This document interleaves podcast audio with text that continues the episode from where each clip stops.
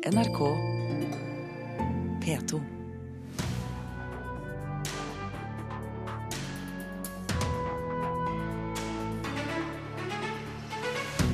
Panama-lekkasjen har gitt medsmak. Nå vil norske aviser grave fram nyheter sammen.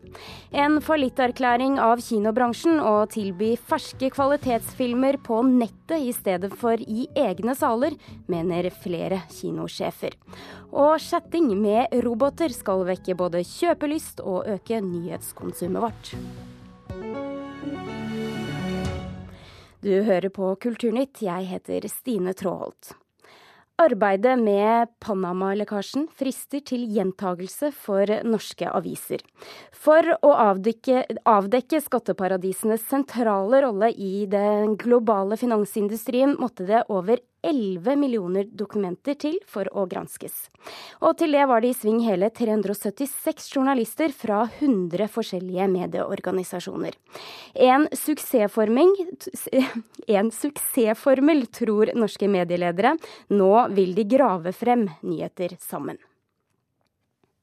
Å være en stor gruppe journalister med ulike typer eksperter er faktisk nødvendig for å få hull på sakene. Det sier Espen Egil Hansen, som er sjefredaktør i Aftenposten. Søndag kveld kunne avisa, som ett av 100 samarbeidende medier verden over, avsløre at statsledere, kongelige, politikere og selskaper gjemmer unna milliarder i skatteparadiser. Nå vil Aftenposten samarbeide med konkurrentene i Norge for å få hull på andre kompliserte saker. Jo, for jeg tror det samme som vi nå har gjort med utenlandske medier, kan være nødvendig i visse typer saker å gjøre internt. Igjen at et mediehus, og selv en, en, redaksjon som Aftenposten, som er en av de største, det kan bli for smått. Og det da å gå i et samarbeid med NRK eller andre kan faktisk være nødvendig for å få hull på en sak. I sosiale medier i dag så er det jo både en kommunikasjon om hva man har funnet, men også en begeistring over prosessen bak. Og det syns jeg er interessant, fordi da kommer vi til å se mer av dette i framtida. Sier Kjersti Løken Stavrum, generalsekretær i Norsk Presseforbund. Og så tror jeg det er sånn at andre redaksjoner også vil bli fristet til å se om ikke de også kan samarbeide om noe. NRK har snakket med samtlige riksdekkende aviser som ikke er i samme konsern som Aftenposten. Både Dagbladet og Dagens Næringsliv ser positivt på samarbeid, med visse forbehold. Dagsavisens sjefredaktør Espen Løkeland Stai sier dette. I vår tid, hvor du har såpass pressa inntekter til media, så tenker jeg at det meste som kan bidra til å styrke graving og kvalitetsjournalistikk, er til det gode demokratiet. Men hva med mediemangfoldet? Dagsavisen mottar jo millioner i pressestøtte hvert år, bl.a. for å være uavhengig? Jo, men her snakket vi om å, å, erstatte den egne journalistikken. Her er jo snakk om eh, eventuelt gå inn i samarbeid i helt konkrete prosjekter. Så må man jo ta en vurdering fra gang til gang på det enkelte prosjektet. Førsteamanuensis i medieledelse ved NTNU Jens Barland mener det er liten grunn til å frykte at avisene skal trå feil om de begynner å samarbeide om gravesaker. Så det vil nesten heller være en fordel at mange redaksjoner som tenker forskjellig, kan se inn i materialet og se på det på forskjellig vis. og Sånn sett vil man ut til offentligheten trekke fram et større mangfold av uh, ulike perspektiver. Men det ligger jo i ideen om demokrati at vi, et, uh, vi skal ha et mangfold av medier. Ja, Det sa Kjersti Løken Stavrum, og det var Monica Ricoll og Petter Sommer som hadde laget denne saken. Kinesiske myndigheter sensurerer nettet for alt som har med Panama-lekkasjen å gjøre. Korrespondent i Beijing, Petter Svaar, eh, hvorfor det? Eh, ja, altså Dette er jo et sensurdirektiv som er plukket opp av et nettsted som heter China Digital eh, Times i dag. Et lekket direktiv som nå er publisert, hvor det står at alle eh, omtaler av eh, Panama-papirene på kinesiske nettsteder skal fjernes, og at eh, det vil få alvorlige konsekvenser eh, dersom man finner materiale fra utenlandsk presse på disse kinesiske stedene. Dette er jo en klar beskjed om at man ikke ønsker omtale av Panama-papirene her. og dette er ubehagelig, om ikke annet for det kinesiske lederskapet, kanskje ikke minst i lys av eh, den store antikorrupsjonskampanjen som har pågått her i Kina i mange år, hvor 300 000 kinesiske tjenestemenn de siste årene har blitt eh, straffet. Da er det ubehagelig at flere slektninger av sittende kinesiske politikere nevnes i dette som jo er en, en skatteunndragelsessak. Petter Svaar, du blir med litt senere i Kulturnytt. Da skal vi snakke om filmen Ti år, som i helgen vant prisen for beste film under det som kalles Asias Oscar.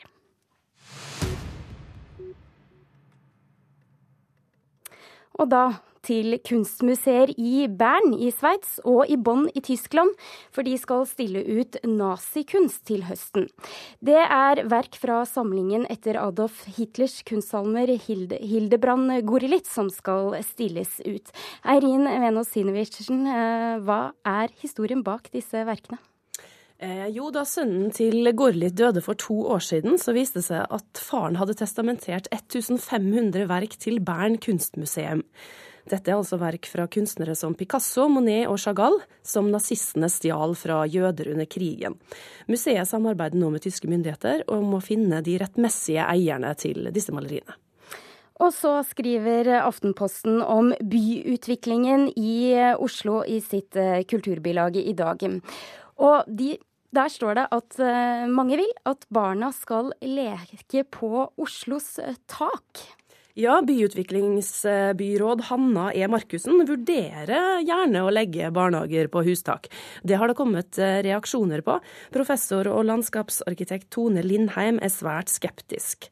Eh, hun er opptatt av at vi skal ha parker og lekeplasser på gateplan når Oslo om 20 år blir en millionby. Eh, hun er til daglig direktør ved Naturhistorisk museum og mener at barnehager på tak blir sterilt, kjedelig og utilgjengelig. Dette er altså en debatt som er en del av en konferanse om byutvikling som Aftenposten arrangerer i dag. Og så har Høyesterett i Sverige dømt organisasjonen bak nettleksikonet Wikipedia for brunn på opphavsretten. Hva er grunnen til det, Erin? Det er altså uh, Wikimedia uh, har gitt fri tilgang til sin database av fotografi av kjente kunstverk som er utstilt offentlig. Uh, dette har de gjort uten å få godkjennelse av kunstnerne som har laget disse verkene. Og retten i Sverige sa at det er lov å ta bilder av kunstverk i det offentlige rom, men å legge de ut på Wikipedias database, det kan gi kommersielle gevinster som bør komme de kunstnerne som ønsker det, til gode. Derfor ble de da dømt. Tusen takk for den orienteringen, Eirin Venås Sivertsen.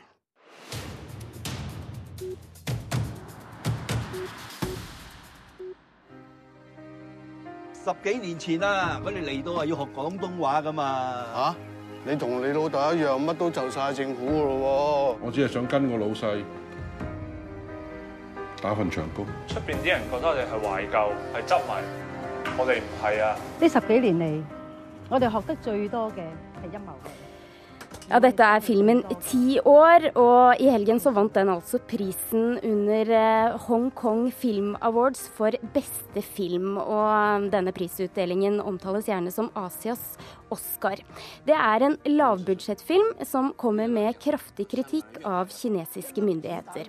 Og filmskaperne de mener kommunistpartiet i Beijing er i ferd med å stramme grepet om Hongkong, som egentlig er et friere samfunn enn resten av Kina.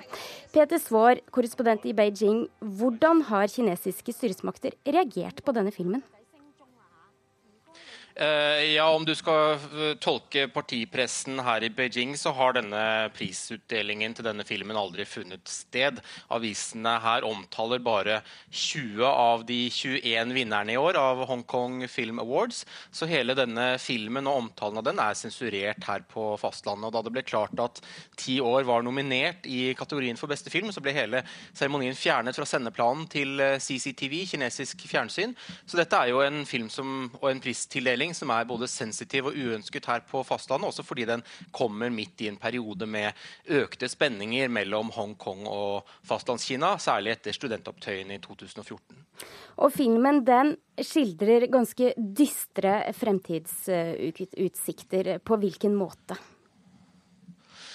Ja, Det er jo en dystopisk fortelling om eh, et Hongkong ti år frem i tid, hvor eh, fastlandskina har eh, slukt Hongkong og byens politiske system og gjort den til bare en annen by i Kina. Det er en by der mediene sensureres, der folk får husene sine revet av skyskrapere, av, revet av, av bulldosere uten kompensasjon, og der en kvinne i en scene setter fyr på seg selv utenfor det britiske konsulatet i Hongkong i protest protest mot kommunistpartiets styre. Nå er det jo ingen som kan si at fremtiden for Hongkong vil bli slik, men det er en uro i Hongkong nå om hva slags fremtid byen går i møte. Og hvorfor har den blitt så populær? Den har gått på, for fulle hus på kino i Hongkong.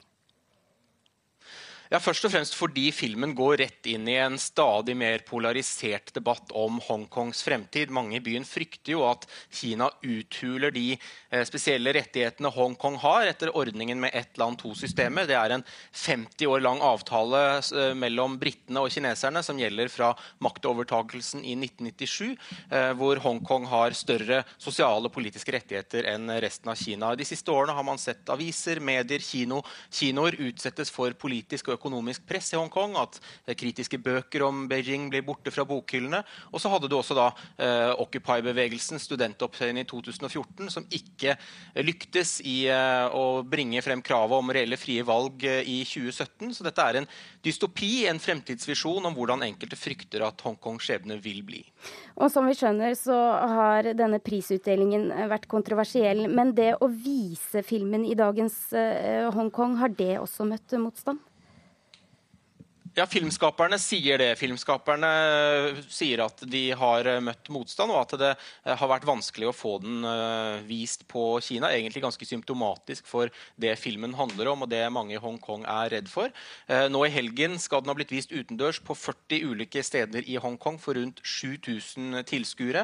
Og mange kinogjengere sa jo også til lokale medier etterpå at, de, eh, at denne filmen traff dem, nettopp fordi de mener de beskriver den retningen som de i hvert fall frykter at at Hongkong nå er på vei. Tusen takk skal du ha, Peter Svaar, Asia-korrespondent i NRK. Det er en fallitterklæring når kinobransjen vil tilby ferske kvalitetsfilmer på nettet istedenfor i sine egne saler. Det mener lederen for eh, Cinemateket i Oslo om den nye strømmetjenesten Nettkino som ble lansert før helgen. Administrerende direktør Guttorm Petterson i bransjeforeningen Film og Kino ser utfordringene ved det toårige prøveprosjektet han nå har satt i gang. Faren kan jo være at, at man venner folk til å ikke gå på kino.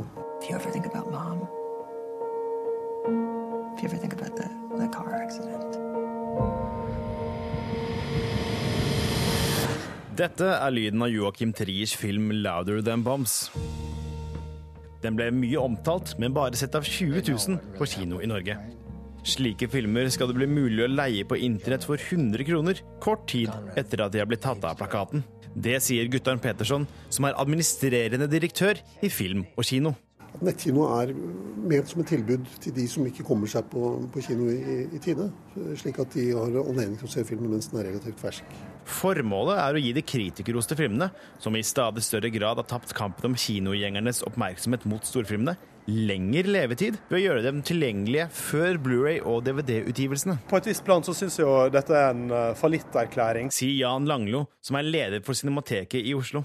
Han mener at å tilby ferske filmer på internett viser at film og kino ikke har nok tro på kvalitetsfilmens framtid på kino. Jeg innrømmer jo at uh, de ikke makter å få målgruppen til kvalitetsfilm inn i kinosalene. Han får støtte av David Moen, som er programsjef i Tromsø kino som mener at det er en reell fare for at filmer kan få enda kortere levetid på lerretet om det er mulig å strømme dem rett etterpå. Man må være sikker på at det ikke kannibaliserer kinoen og kinoen sin, sin inntekt. Man kan jo se for seg et scenario der en føler at det er enklere å ta en kino av plakat fordi man kan overføre den til nettkino. Se for seg at man gir den mindre tid på kino. Men IKT Norges administrerende direktør Heidi Arnsen Austli er begeistret for denne satsingen på strømmefronten. Dette er veldig bra. Film og kino tilpasser seg nå brukerne og er mer opptatt av å distribuere norsk innhold framfor å dytte folk inn i kinosaler. Og det skal de ha kred for. Hun mener at publikum endelig får det de vil ha, nemlig ferske kvalitetsfilmer rett hjem i stua tidligere. Og hvis ikke brukerne liker den tjenesten, ja, så må også denne tjenesten utvikle seg videre. Petterson erkjenner og forstår kinoenes bekymring rundt kannibalismeproblemet, samtidig som han er uenig i Langlo sin uttalelse. Den opplevelsen man får på kino, den kan ikke erstattes noe annet sted. Så det vi snakker om er, er hjemmemarkedet og de som, de som, sitter hjemme, som da får tilbudet mens filmene er ferskere enn, en det det ellers ville være. Uh, og man oppnår at, at man tetter på en måte igjen det hullet som nå er mellom, mellom kino og når det kommer på andre, andre plattformer. Men husk, dette er foreløpig kun et prøveprosjekt som kommer til høsten på utvalgte kinoer. Så spørs det om kinogjengerne fortsatt vil strømme til kinoen, eller venter til de kan se filmen hjemme i sofaen. Da har vi skutt feil i så fall, hvis, vi, hvis det er det vi oppnår. Nikolai Volsdal hadde laget denne saken. Du hører nå på Kulturnytt, og klokken er straks eh, ti på halv ni denne tirsdagsmorgenen. Og dette er hovedsakene i Nyhetsmorgen. DNB vil samarbeide med skatteetaten, vurderer å gi skattemyndighetene navn på kunder med skjulte kontoer i skatteparadis. Regjeringen vil ha muligheten til å fengsle det den kaller åpenbart grunnløse asylsøkere i opptil 72 timer, mens søknadene deres hurtigbehandles. Kristelig Folkeparti vil flytte flere statlige arbeidsplasser ut av Oslo. For 15 år siden ble 1000 arbeidsplasser flyttet ut av Oslo, og KrF ønsker en ny runde med slik utflytting. Chatting, altså det å sende elektroniske direktemeldinger til hverandre, tar stadig nye former. Så langt så har vi bare kunnet chatte med hverandre, men nå vil også store selskapet få oss til å chatte med roboter. Målet er bl.a. å få oss til å kjøpe ting på nettet, eller å få oss til å lese mer nyheter. Og mobilen er selvsagt plattformen. Ståle Gruth, teknologijournalist i NRK Beta. Hvilke chatprogrammer er det som tilbyr slike tjenester nå? Det begynner å bli eh, ganske utbredt blant eh, stort sett alle, alle store chatplattformer. Du kan tenke deg Facebook og WeChat og Telegram. Det, lista er, er, veldig lang, så det er veldig mange som melder seg på, på det her nå og er interessert i å se hva, hva, de kan få ut av det. Da. Ja, og melder seg på. Hvor langt har de kommet? Eh, det er i startfasen akkurat nå. Eh, vi vet i hvert fall at eh, Facebook f.eks. har drevet ganske mye eksperimentering med det her nå. Den, de har lansert en Eller i visse steder i USA så har du mulighet til å få, få hjelp av en, av en robot som, som, kan hjelpe deg med forskjellige gjøremål osv. Så videre, sånne ting som, som, de nå tester. Og det er snakk om at de i, i neste uke kommer til å lansere en en slags butikk, hvor du da kan kjøpe tilgang til forskjellige sånne her roboter som kan, kan hjelpe deg med ulike gjøremål. Og Hvor viktig tror du det er for at vi som brukere skal bruke dette, at roboten klarer å få oss til å tro at det er et menneske? Nei, altså den, eh, den, personlige delen er egentlig ganske viktig. Den ser jo, Apple har jo lenge hatt en, eh, hatt en, kunstig assistent som heter Siri, som kanskje de fleste med en iPhone kjenner til. og Det, det at den har litt personlighet og sånn, er noe som har, har, gjort at den her har blitt eh, omfavna av ganske mange. Barn f.eks. kan chatte og snakke med denne roboten. Og da er det at den er helt mekanisk, det, det ville nok kanskje ikke trigga så mye av den menneskelige følelsen som kanskje er nødvendig for at vi skal, skal komme tilbake til denne roboten og stole på den at den kan hjelpe oss med ulike ting. Da. Du var jo nydelig på den eh, innflytelsesrike teknologikonferansen South by Southwest i Texas, og der snakket man vel en del om chatteroboter. Eh, og du fikk flere demonstrasjoner. Hva syns du? Nei, altså det, det, er klart at det her er i, i startfasen uh, foreløpig. Uh, men, uh, men, det er sånn at det, det, grunnen til at det her har blitt såpass populært nå, er, er pga. den her kunstige intelligensen som har kommet, kommet, såpass langt. og I tillegg så har man noen Flere selskap har da plattformer som i form av de her meldingsappene, f.eks. Facebook Messenger, som nå vel har én milliard brukere i måneden. og Det, det er jo klart et, et attraktivt marked for å, for å, teste ut denne typen nye teknologi. Da. Og eh, noe av det selskapene vil, er da også til få oss til å bruke chatten til å selge varer, eller, eller kjøpe varer for vår del, eh, og presentere nyheter. Eh, er det noe fare ved det? Nei, altså de, de, vil jo selvfølgelig samle inn eh, data om oss. Det på en måte, ligger, jo, ligger jo mye under det alt, alle de her plattformene gjør.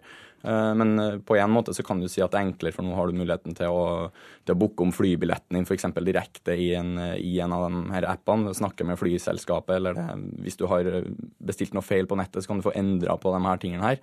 Eh, men faren er jo selvfølgelig at det ikke er kanskje blitt sånn nøyaktig, det kan oppstå misforståelser, sånne ting. Så teknologien er ikke helt der at den er perfekt. Så det, der bør man kanskje passe seg litt før man stoler fullstendig på, på det her, da. Og hvor lenge tror du det, hvor lang tid tar dette? Det? Eh, det tar nok en stund, men, eh, men, i og med at de ruller det ut nå til, til flere brukere, så, så, vil de nok få testa det ganske raskt og se om uh, hvordan det går. Og vi vet jo at teknologien den ruller og går fort framover, så, så, jeg vil tro at det, det, ikke er så lenge til alle kanskje har, har, vært i kontakt med det her på et eller annet måte. Men, men om, det gjenstår å se om folk ønsker å bruke det, rett og slett. Og det var det Ståle Gruth, teknologijournalist i NRK, som sa. Fargesterke malerier med motiver hentet fra fantasien, så et marerittprega drømmeverden er ofte stikkord som brukes om Bjørn Carlsens kunst. Trafo kunsthall i Asker utenfor Oslo viser nå en stor utstilling hvor man også kan se helt nye eh, verker av den anerkjente norske kunstneren. Mona Palle Berke, velkommen til oss. Takk. Hva møter oss på Trafo? Ja, her vandrer vi jo inn i hans veldig særegne og gåtefulle univers. Og her er det, som du sier, eh, ganske nye arbeider som ikke har vært vist offentlig før. Men også eldre ting. Noe av det har ikke vært vist på 20 år. Og blant de nyere tingene så er det et et såkalt triptikon, altså et eh, verk som består av tre malerier. Det heter 'Visuelt horoskop til Barack Obama'. Og Dette er jo typisk for eh, Carlsen, at han både har denne, dette drømmeaktig, men også referanser til en politisk uh, virkelighet. Og her er det da vi kan se på en skikkelse som vi med litt velvilje forstår er den amerikanske presidenten. Han har krone på hodet, han har hjerte hjertet ligger utenpå brystkassen, og blodårene går fra hjertet opp i ørene som et sånt organisk stetoskop. Vi forstår at han lytter til sine følelser, og kroppen hans blir til en klode som er kledd i en narredrakt. Og det er jo, masse, det er jo to bilder til, da, men jeg rekker ikke snakke like detaljert om alt. Men i hvert fall her ser vi, eh, blir jeg stående og undre meg hva all verden er det han tenker, står skrevet i stjernene for Obama. Og hva er, det, hva er dette for en refleksjon?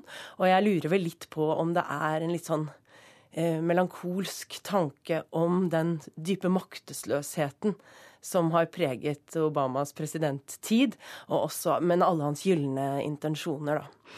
Ja, det er en, en melankoli, og det er farger, og det er drømmeverden. Eh, Bjørn Karlsen, hvilken posisjon har han i norsk eh, kunstsammenheng? Han er regnet som en av våre aller fremste. Han debuterte på 70-tallet og etablerte seg raskt som en leder for det ekspressive, figurative eh, maleriet. Eh, og er på en måte Man kan jo kalle han nyekspresjonist, eller man kan kalle han nysurrealist. For han er jo en veldig en kunstner som det er litt vanskelig å bare bruke én båsbetegnelse på. Men han er en veldig, også en veldig fargekunstner.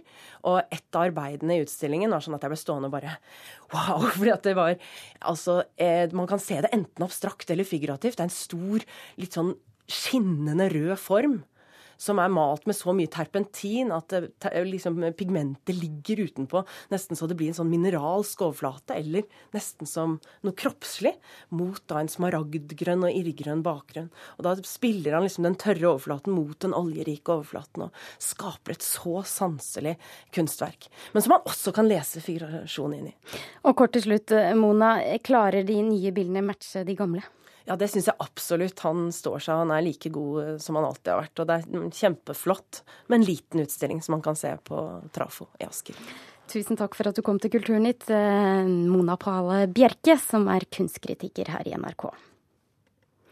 Og da skal vi rett og slett til en barneskole i Troms der hvordan skaffe seg venner til tross for forskjellighet ble tema da elevene i Sørreisa fikk lage sin egen musikal. Elevene var både med på å skrive musikk og tekster, og kalte musikalen Gnist. Og så skal vi trampe og slå på lårene samtidig. Da blir det sånn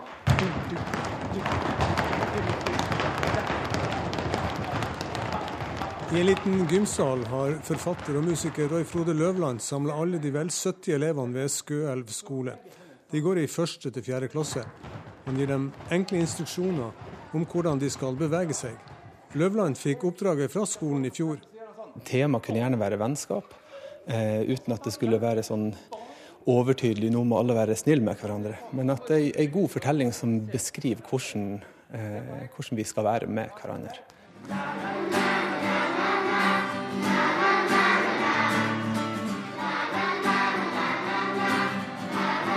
Det handler jo om at eh, troll og mennesker blir liksom illustrasjonen på de to som er helt forskjellige. Og de kan aldri være i lag.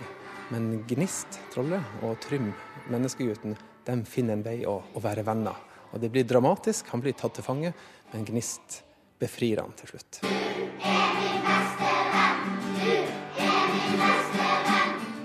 Jeg går gnist, og jeg kan ikke snakke. Ranja Gunnberg er den som spiller Gnist.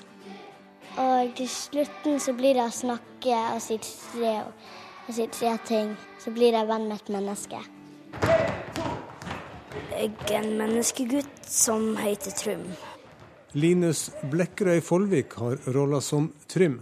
På skolen blir jeg mobba på skoleveien, og så en dag så blir jeg kjent med et, et troll som heter Gnist. En dag blir jeg tatt til fange hos trollene, fordi trollene har ikke lov å være venner med menneskene. Og så, ja. Det er jo en drøm vi har hatt i mange år om å sette opp en musical for å vise hvor flinke elevene egentlig er innenfor både teater, og dans og musikk. Bjørnar Uteng er rektor ved SKUEL skole. Nå bruker klassene alle fagene til å lage kostymer og få til forestillinga Gnist, som vises senere i april på Kulturhusscenen i Sørreisa. Så Der la vi inn i årsplanene våre allerede i fjor, og dette er en del av skoletilbudet vi gir elevene i år. Det som publikum får høre her, det er sanger som ungene har eh, vært med å lage.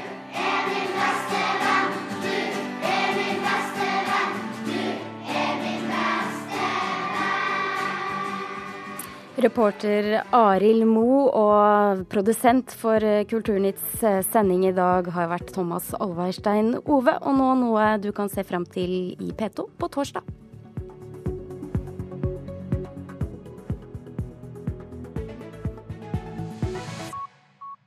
Hør flere podkaster på nrk.no podkast.